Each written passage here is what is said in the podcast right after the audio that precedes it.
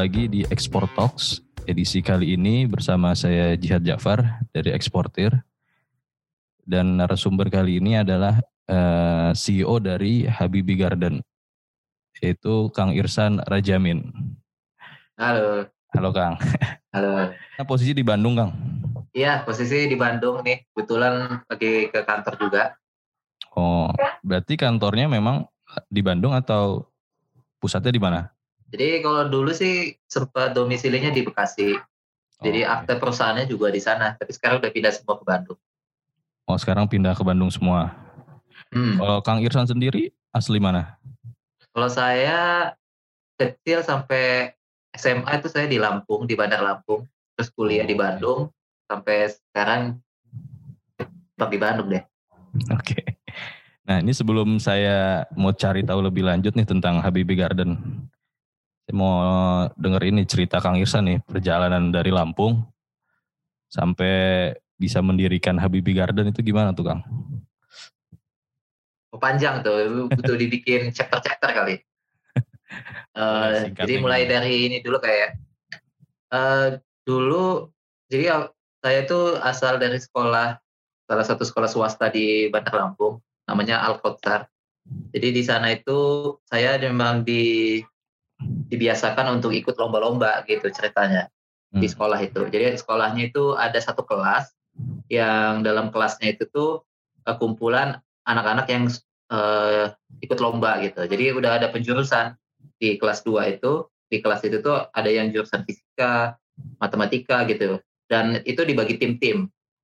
Nah, saya bagian uh, yang komputer, yang pemrograman gitu katanya. Nah, pas lagi kuliah, teman saya tuh sama teman saya uh, yang di satu tim juga di sekolah itu kuliah di Bandung. Nah, terus uh, karena udah kebiasaan ikut-ikut lomba, ikutlah waktu itu iseng-iseng ikut lomba gitu. Nah, alhamdulillah uh, kita waktu itu ada perlombaan namanya Young uh, Young Innovator itu yang ngadain itu dari Berlin jadi kayak semacam lab gitu ya, lab penelitian. Nah itu diadain antar kampus ceritanya. Tahun berapa nah, kita, tuh Kang? Tahun 2000 berapa ya? 2015 kayaknya. Oke. Okay, nah, tahun 2015. Hmm. Itu uh, dia seleksi dari mahasiswa-mahasiswa gitu, baik dari yang S2, S3, bebas pokoknya apa aja. Intinya idenya yang inovasi dan bisa membangun Indonesia gitu ceritanya. Terus saya apply lah waktu itu Habibie Garden ke sana. Alhamdulillah kepilih jadi uh, dua besar yang bisa mewakili Indonesia untuk uh, apa namanya ke Berlin gitu. Nah di sana oh. uh, kita uh, presentasi idenya Habibie Garden ini. Nah habis itu dari situ menang lomba terus kita pikir oh, gimana kalau kita seriusin aja ya Habibie Garden ini gitu. Jadi tahun 2016 itu udah mulai tuh uh, mau bikin perusahaan yang lebih serius bikinlah uh, perusahaannya nama PT-nya uh, PT Habibi Digital Nusantara di domisilinya waktu itu di Bekasi. Karena kebetulan uh, ada kantor Om itu uh, lokasinya di Bekasi gitu. Jadi nebeng. Kan belum ada do, belum ada tempat. Nah jadi dulu nebeng dulu sama Om gitu. Hmm, oke. Okay. ya udah dari situ mulai deh ke bentuk Habibi Garden berarti dari SMA udah tertarik programming gitu Kang ya? Iya kalau saya dari SMA emang hobinya pemrograman Hmm. Sampai kuliah juga informatika di apa di Bandung. Kuliah di Bandung. Hmm. Nah ini berarti kan uh, tercetusnya Habib, Habibie Garden kan untuk lomba ini ya di Jerman ini. Iya betul. Nah itu kenapa dipilih namanya Habibie Garden Kang? Ya kan Pak Habibie di sana kan. karena di Jerman gitu ya. iya karena di oh, Jerman. Okay. Sesimpel itu aja kita mikirnya. Nah coba kita untuk uh, menghindari copyright gitu kan. Ya, untuk ditakut isu juga sama keluarganya Pak Habibie. Jadi waktu itu kita hilangin aja E-nya gitu. Oh. Jadi kita uh, habis itu nggak sengaja kebetulan ketemu juga nih ya uh, ujung-ujungnya Pak sama Pak Habibie waktu di Habibie Festival di Kemayoran. Waktu itu beliau tuh tiap tahun kalau dulu ya itu ngadain namanya Habibie Festival itu memang sengaja dikumpulin semacam perusahaan-perusahaan ataupun komunitas yang uh, bergerak di bidang inovasi. Nah kebetulan waktu itu kita diundang. Habis itu ketemu dia sama Pak Habibie. Habis itu ngobrol, terus ya saya ceritain aja ke asal usulnya dulu gimana ke bentuk namanya apa apa namanya Habibie ya dia hmm. ketawa ya udah lah berarti sempat ketemu juga ya sama Pak iya sempat juga sama Pak Habibie Nah, sebelum fokus di Habibie Garden, Kang Irsan pernah kerja di mana atau mendirikan apa dulu gitu? Oke. Okay. Iya, jadi setelah, setelah saya lulus kuliah, aslinya sih saya kerja dulu tuh di PT Samsung Electronic Indonesia atau disebut juga SAINPI. Jadi kerja di pabrik. Dulu saya kerja di pabrik di bagian research and development. Jadi dulu Samsung itu uh, yang di Indonesia cuman bikin TV, kulkas, sama apa uh, pokoknya perabotan rumah tangga ya yang handphone tuh belum masuk masih ada di Vietnam. Nah menjelang saya resign itu barulah handphone Samsung tuh masuk ke Indonesia gitu. Nah saya resign karena tadi perlombaan tadi gitu. Nah itu saya coba seriusin uh, mau karena bosan juga ya mungkin ya di pabrik suasananya gitu-gitu aja ya udah jadi saya coba cari uh, suasana baru lah yaitu bikin perusahaan. Oke. Nah yang ini foundernya ada berapa orang Kang? Oh ya, um, untuk foundernya kebetulan cuma dua, saya sama rekan saya, itu teman SMA saya juga. Jadi ini suatu kebetulan juga dia itu uh, teman SMA saya ini memang udah teman nongkrong ya dari SMA Hmm. Terus waktu kuliah juga bareng.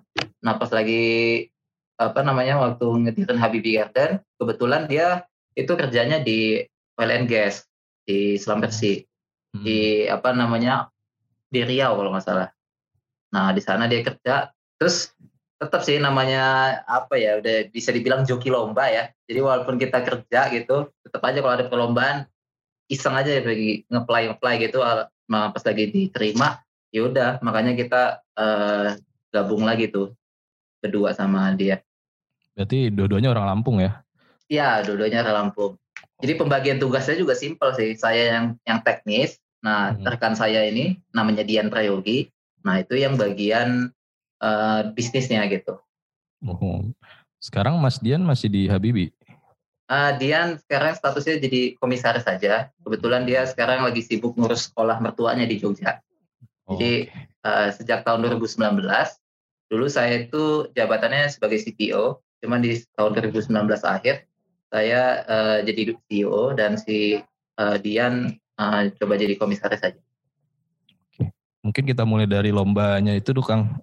Boleh, boleh. Terinspirasi, terinspirasi dari apa tuh Kang? Apakah pengalaman keluarga tentang pertanian atau bagaimana tuh untuk Habibie Oke, okay. iya jadi kan dulu kan di dituntut untuk ngadain inovasi teknologi inovasi gitu kan yang berkaitan dengan Indonesia.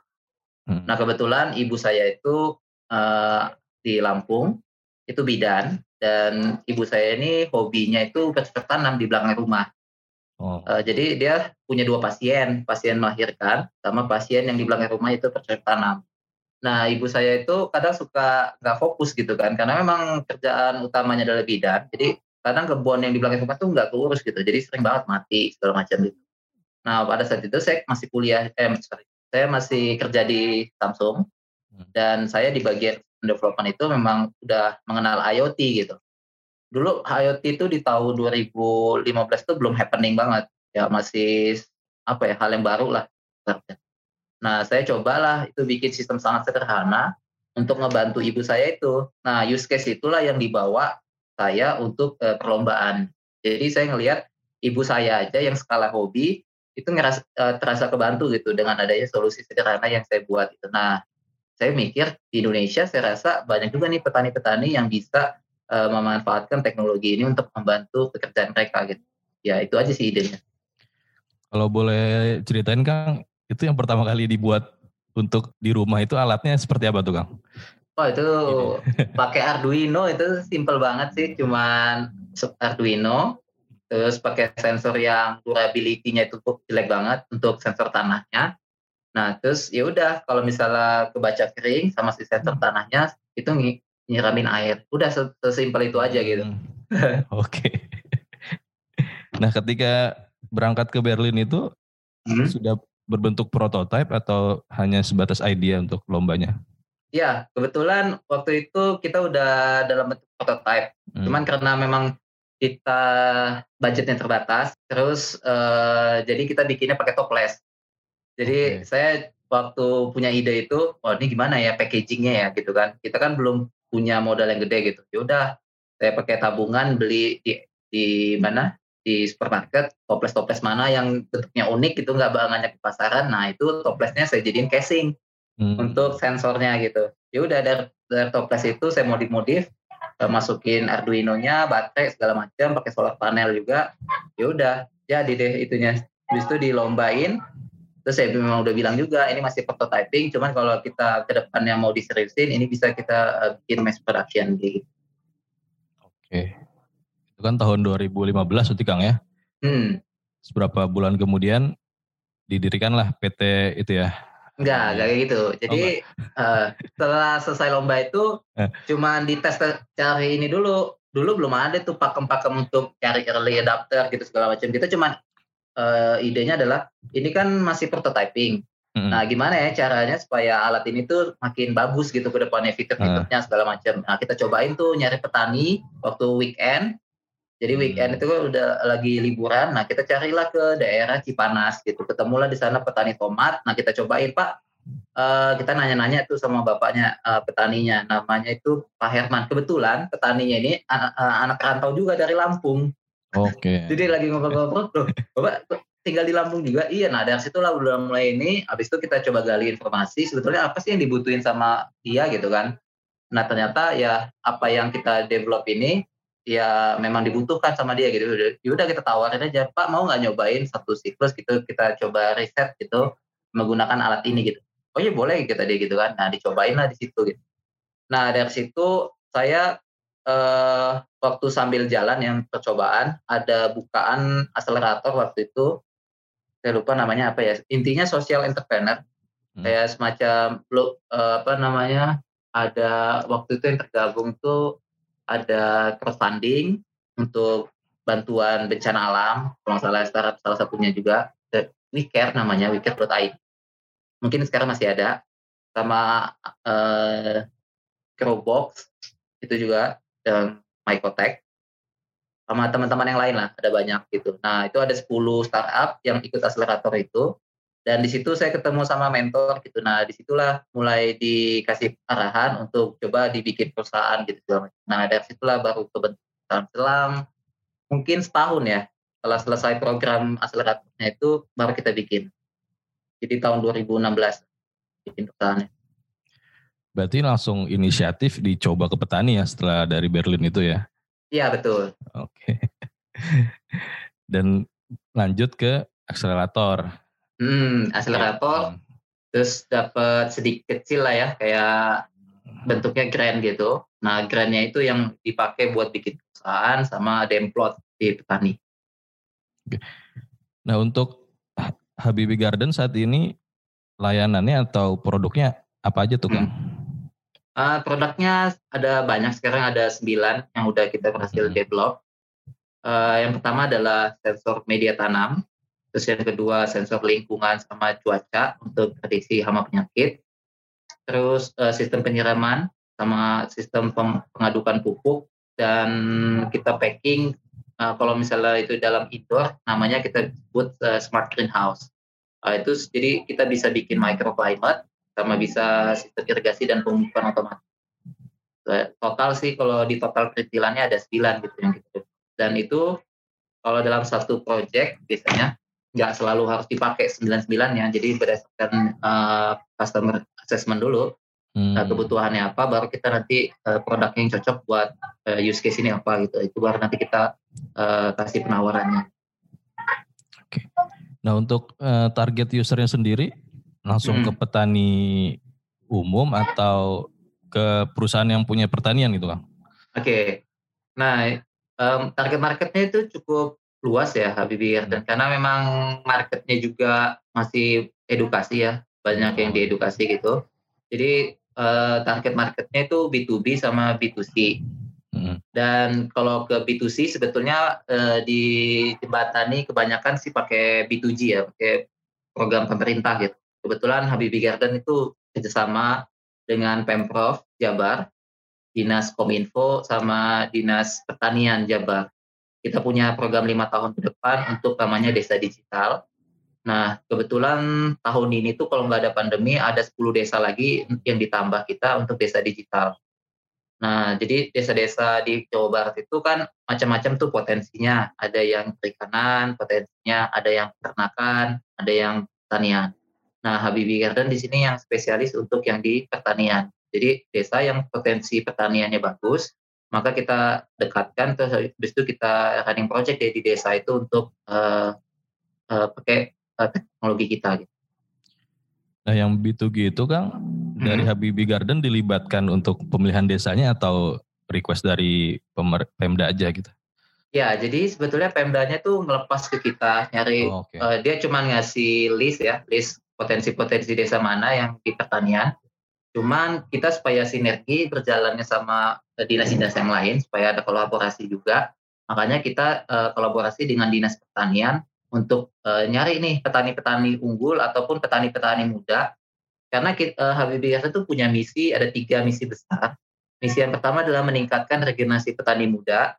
Dengan adanya teknologi ini diharapkan banyak petani petani-petani muda baik dari yang akademisi maupun yang di desa itu mau lagi ke industri pertanian itu misi yang pertama misi yang kedua adalah uh, menciptakan seribu desa di uh, desa digital dengan adanya program yang dari Kang Emil itu inline misinya dengan si beliau untuk desa digital. Terus yang yang ketiga adalah melakukan efisiensi terhadap teknik budidaya itu sendiri. Jadi yang selama ini konvensional, tradisional, biasanya mengandalkan ekstensifikasi ataupun e, pelebaran luasan lahan pertanian.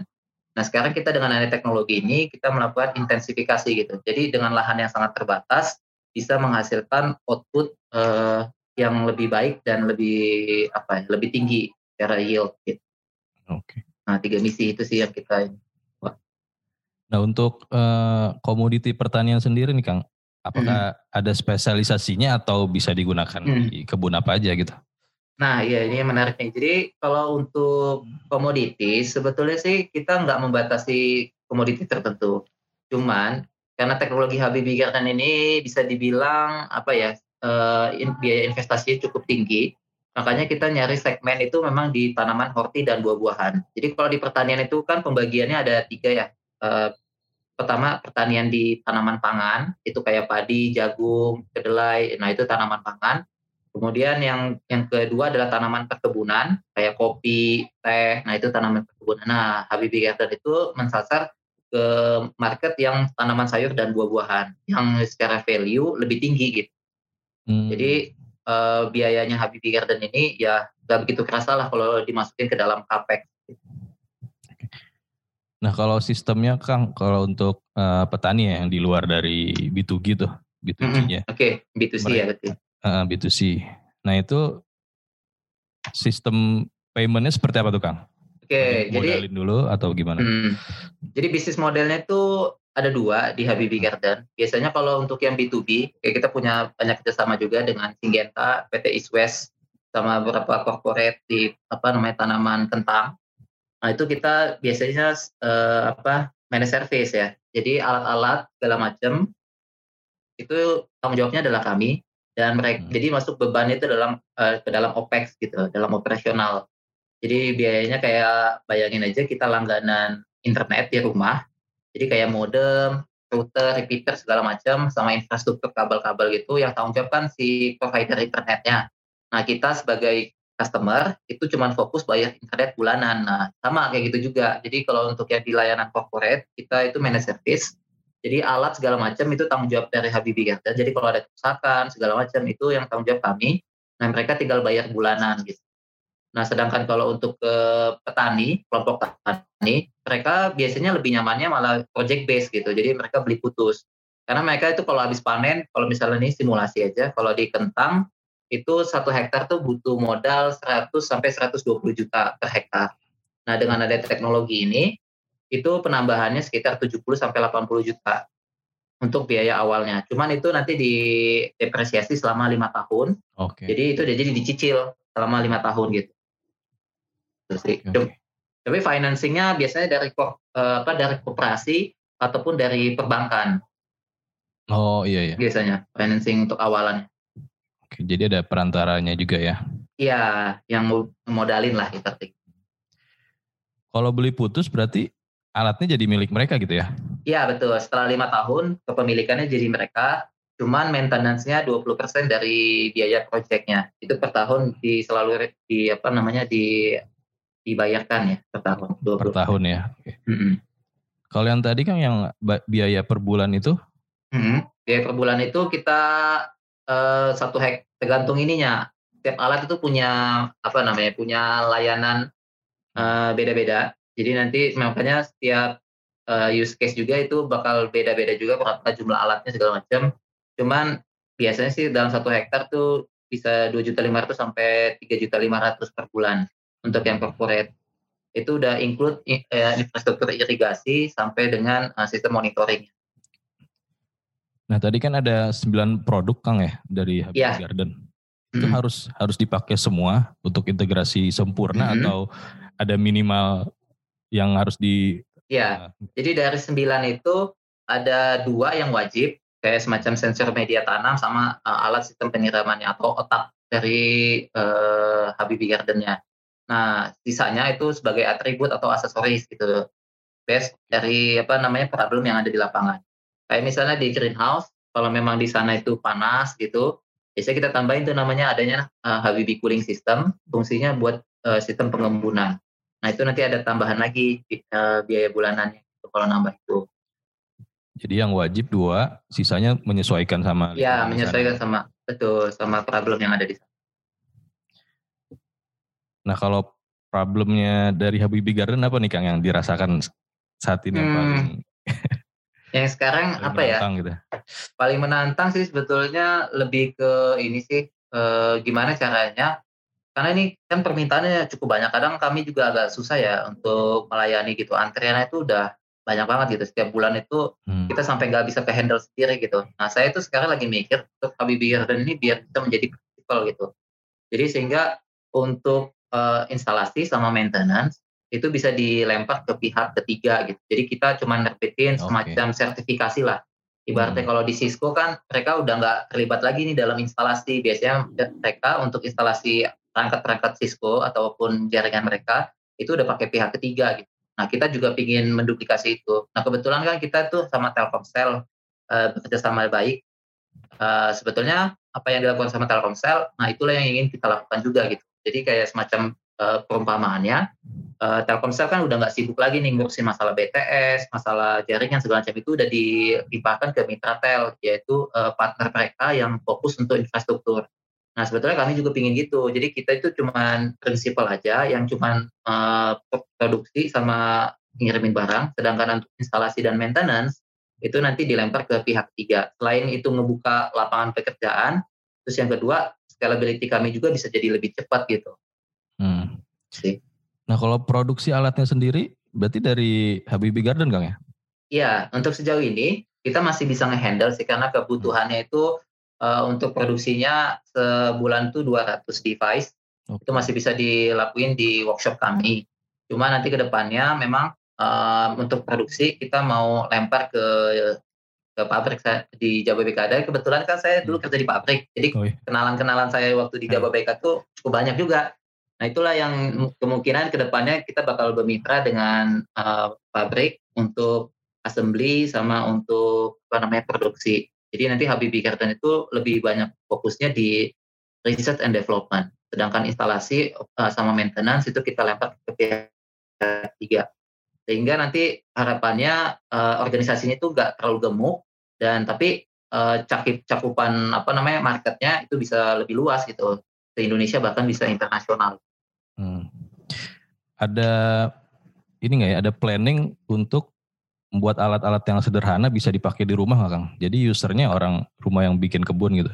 Ya ada banget sebetulnya. Ada ya. Jadi pas lagi pandemi ini di perumahan kami ini kebetulan eh, kantornya Habibie Garden itu di perumahan. Nah kita kan itu kenal baik nih dengan ibu-ibu PKK di sini gitu.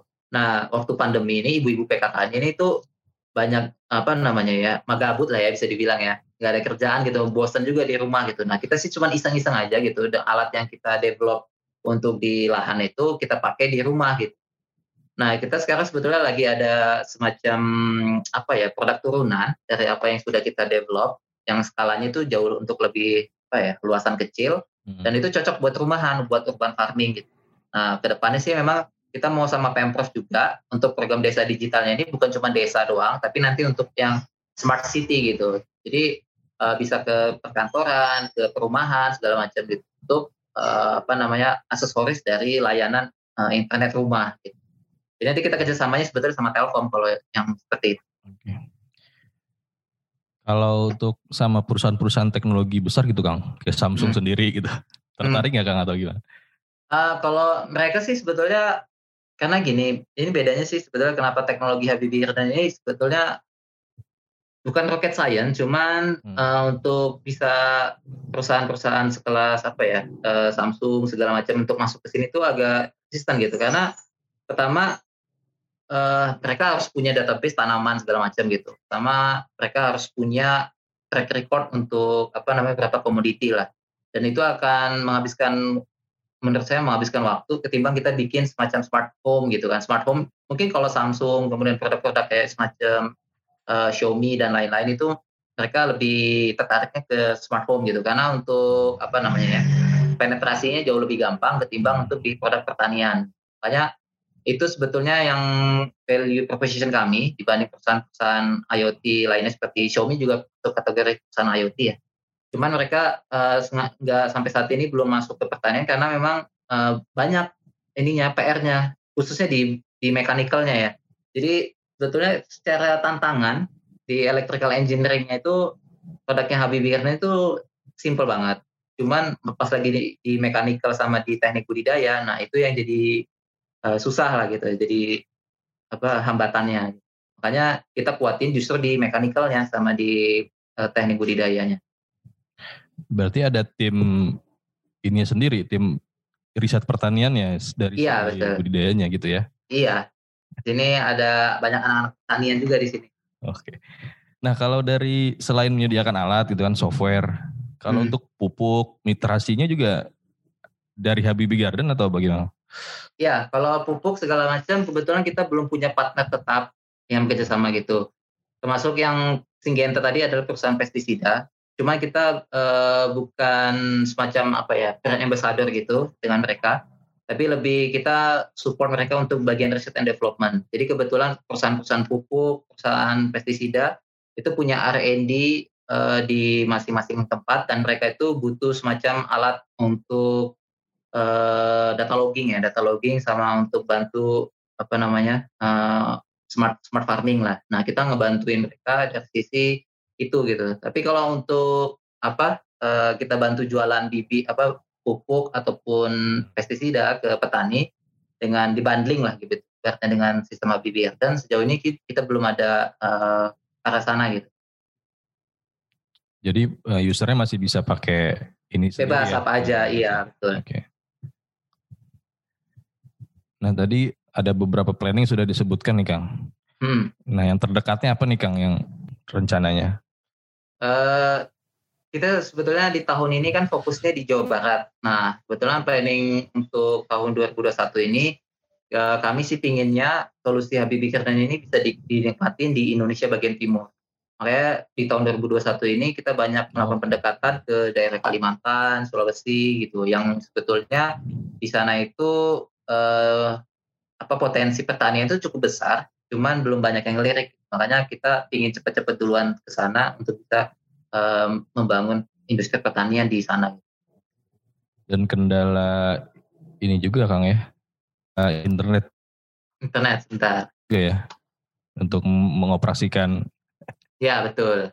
Nah kan kita kebetulan kerjasama sama Telkomsel supaya tujuannya internetnya itu bisa dibantu lah sama dari Telkomsel gitu. Makanya kalau kita main ke Indonesia Timur, kita tahu operator yang paling kuat di sana kan Telkomsel. Makanya kita gandeng Telkomsel itu tujuannya supaya itu membackup kita dari infrastruktur ataupun internet.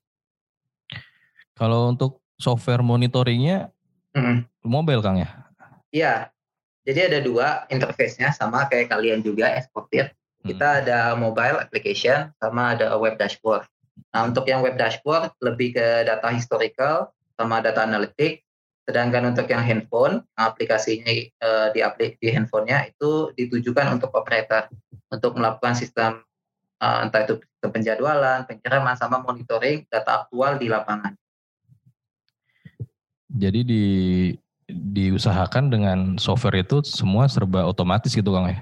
Iya, kita mengharapkan ke depannya itu untuk kegiatan yang rutin itu bisa di, diandalkan dengan sistem kami, kayak sistem penyiraman dan pembukaan.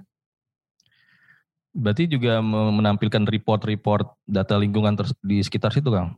Hmm, betul. Termasuk kayak semacam ada early warning juga ketika nanti ada ancaman katakan uh, kita kan punya apa namanya punya automatic weather station yang fungsinya untuk meramal hujan hmm. sama meramal angin gitu segala macam dan itu ditujukan untuk uh, early warning pest and disease preventif. Jadi hama penyakit itu bisa kita lihat tracking datanya dari data-data lingkungan sebetulnya. Jadi kalau hama penyakit itu mau datang dari data-data lingkungan itu bisa kita analisis untuk bisa tahu nih, wah ini kemungkinan dengan pola tren seperti ini, uh, data lingkungannya biasanya ini ada serangan hama penyakit, kurang misalnya. Nah, berarti hmm. kita udah mulai siap nih untuk pestisidanya, kemudian eh, langkah-langkah preventif apa yang harus kita lakukan. Timnya ada berapa sekarang Kang nih, Habibie Garden? Timnya sekarang, kalau yang core timnya ya, ada 20. Cuma nanti kalau lagi ada instalasi, biasanya kita uh, apa namanya outsourcing ataupun hmm. uh, pakai third party gitu untuk instalasi. Tapi masih melibatkan nama tim kita juga. Gitu. Lebih banyak di software engineering atau di yang perakitan nih Kang? Lebih banyak di software engineering. Kalau untuk yang perakitan uh, kebetulan memang part-partnya itu kita udah lempar ke pihak ketiga. Jadi okay. kita itu di sini lebih banyak cuma assembly aja sih. Oke. Okay.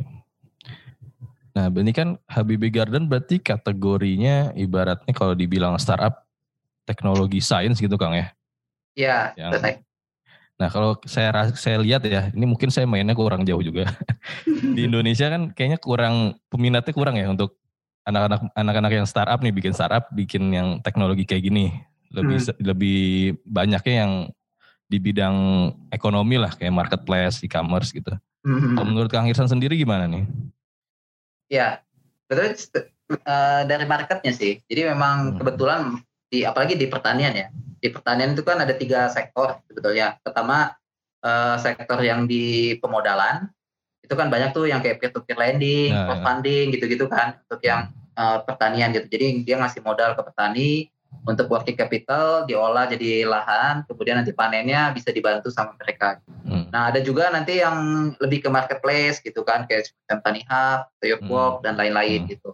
Nah yang berkutat di produksi justru nggak ada gitu. Nah itu hmm. sebetulnya yang kami ngelihat sebagai peluang sebetulnya. Karena memang uh, di bagian yang di tengah-tengah ini, di bagian yang produksi itu uh, terlihat tidak seksi juga gitu karena kan kebanyakan problem utamanya itu di market access gitu makanya banyak startup-startup yang lain uh, yang baru muncul itu itu pasti bikin yang marketplace itu dulu gitu karena itu memang apa ya bisa dibilang lebih lebih cepat mendapatkan uang yeah, gitu yeah.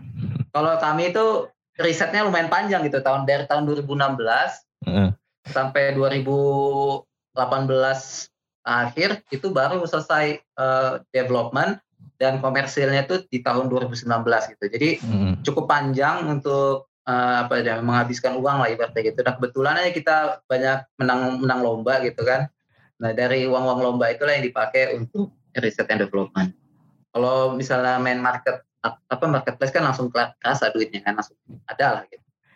Jadi risetnya panjang, terus perlu edukasi juga ya ke Iya perlu usernya. edukasi juga gitu. Ya, agak panjang juga. Peminatnya kurang gitu ya. Iya. Oke, oke.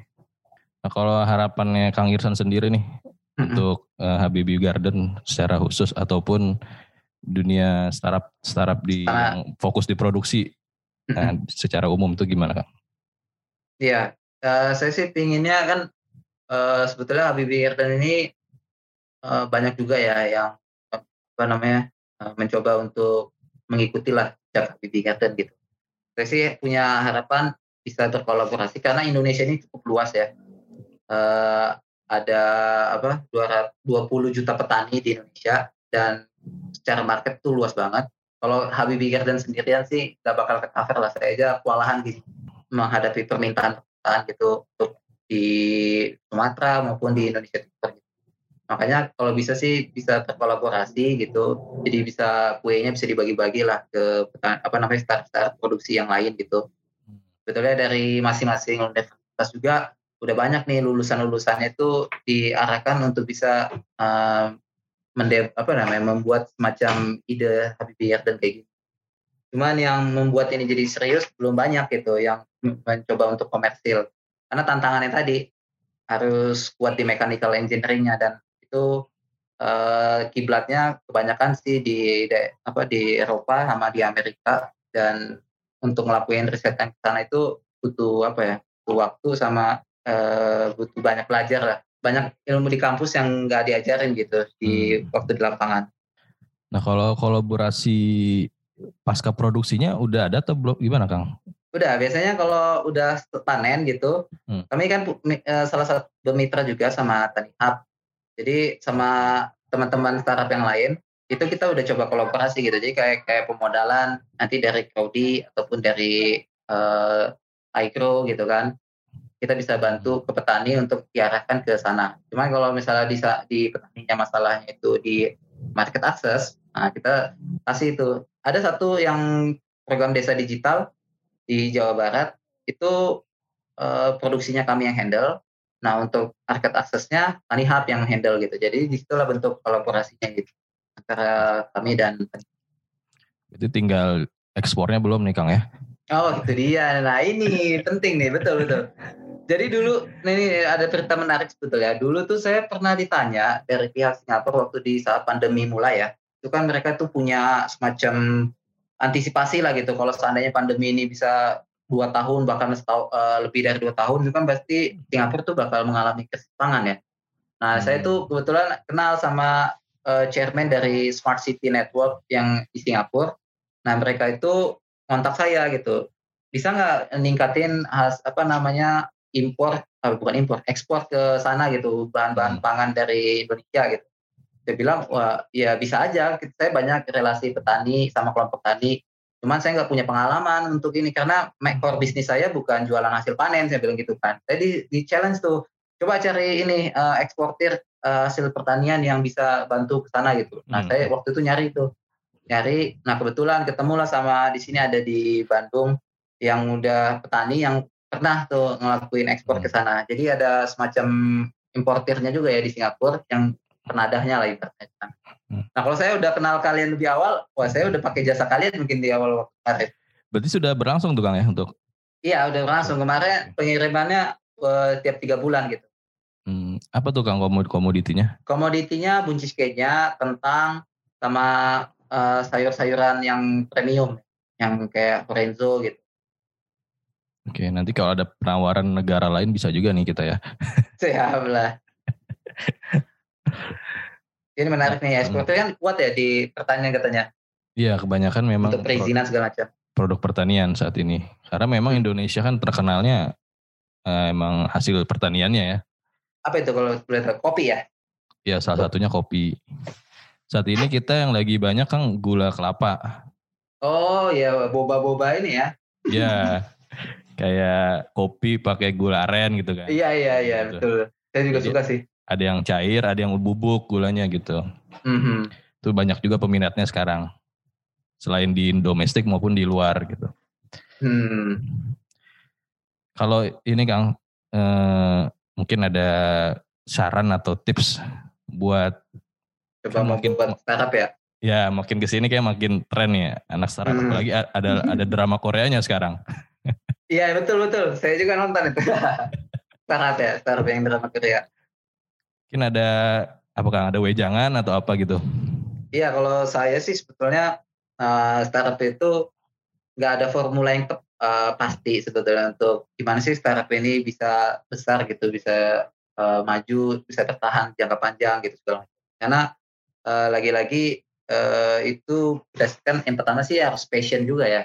Karena memang kalau bukan passion di bidangnya, cuma ngikutin hype-nya aja, jalan wani lagi, seru nih bikin marketplace uh, pertanian misalnya hasil panen petani diambil dijual ke kota gitu hmm. Kelihatannya mudah gitu kan tapi kalau itu passionnya bukan di situ uh, bakal banyak hambatan halangan ketika di tengah jalan gitu. Dan untuk bisa bertahan di situ itu butuh butuh pengorbanan gitu. Jadi nggak nggak nggak gampang. Kalau yang di drama-drama Korea kan itu di banyak skip-skipnya ya tiba-tiba tiba-tiba gitu. Momentum-momentum baiknya aja yang dilihat gitu.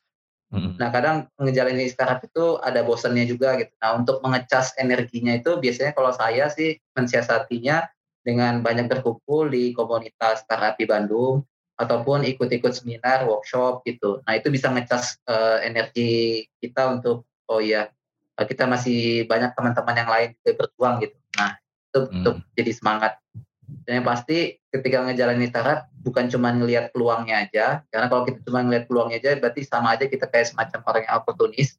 Dan ketika nanti mentok gitu, kita nggak punya kekuatan untuk bisa apa namanya bertahan di situ dan ujung-ujungnya kita jadi kutu lompat Nah, yang paling penting adalah uh, temuin passionnya. Ketika itu bilang belum proven, ya cari cara lain gitu. Bagaimana ide yang kita uh, bawakan di awal itu bisa di, di apa namanya diterima di masyarakat.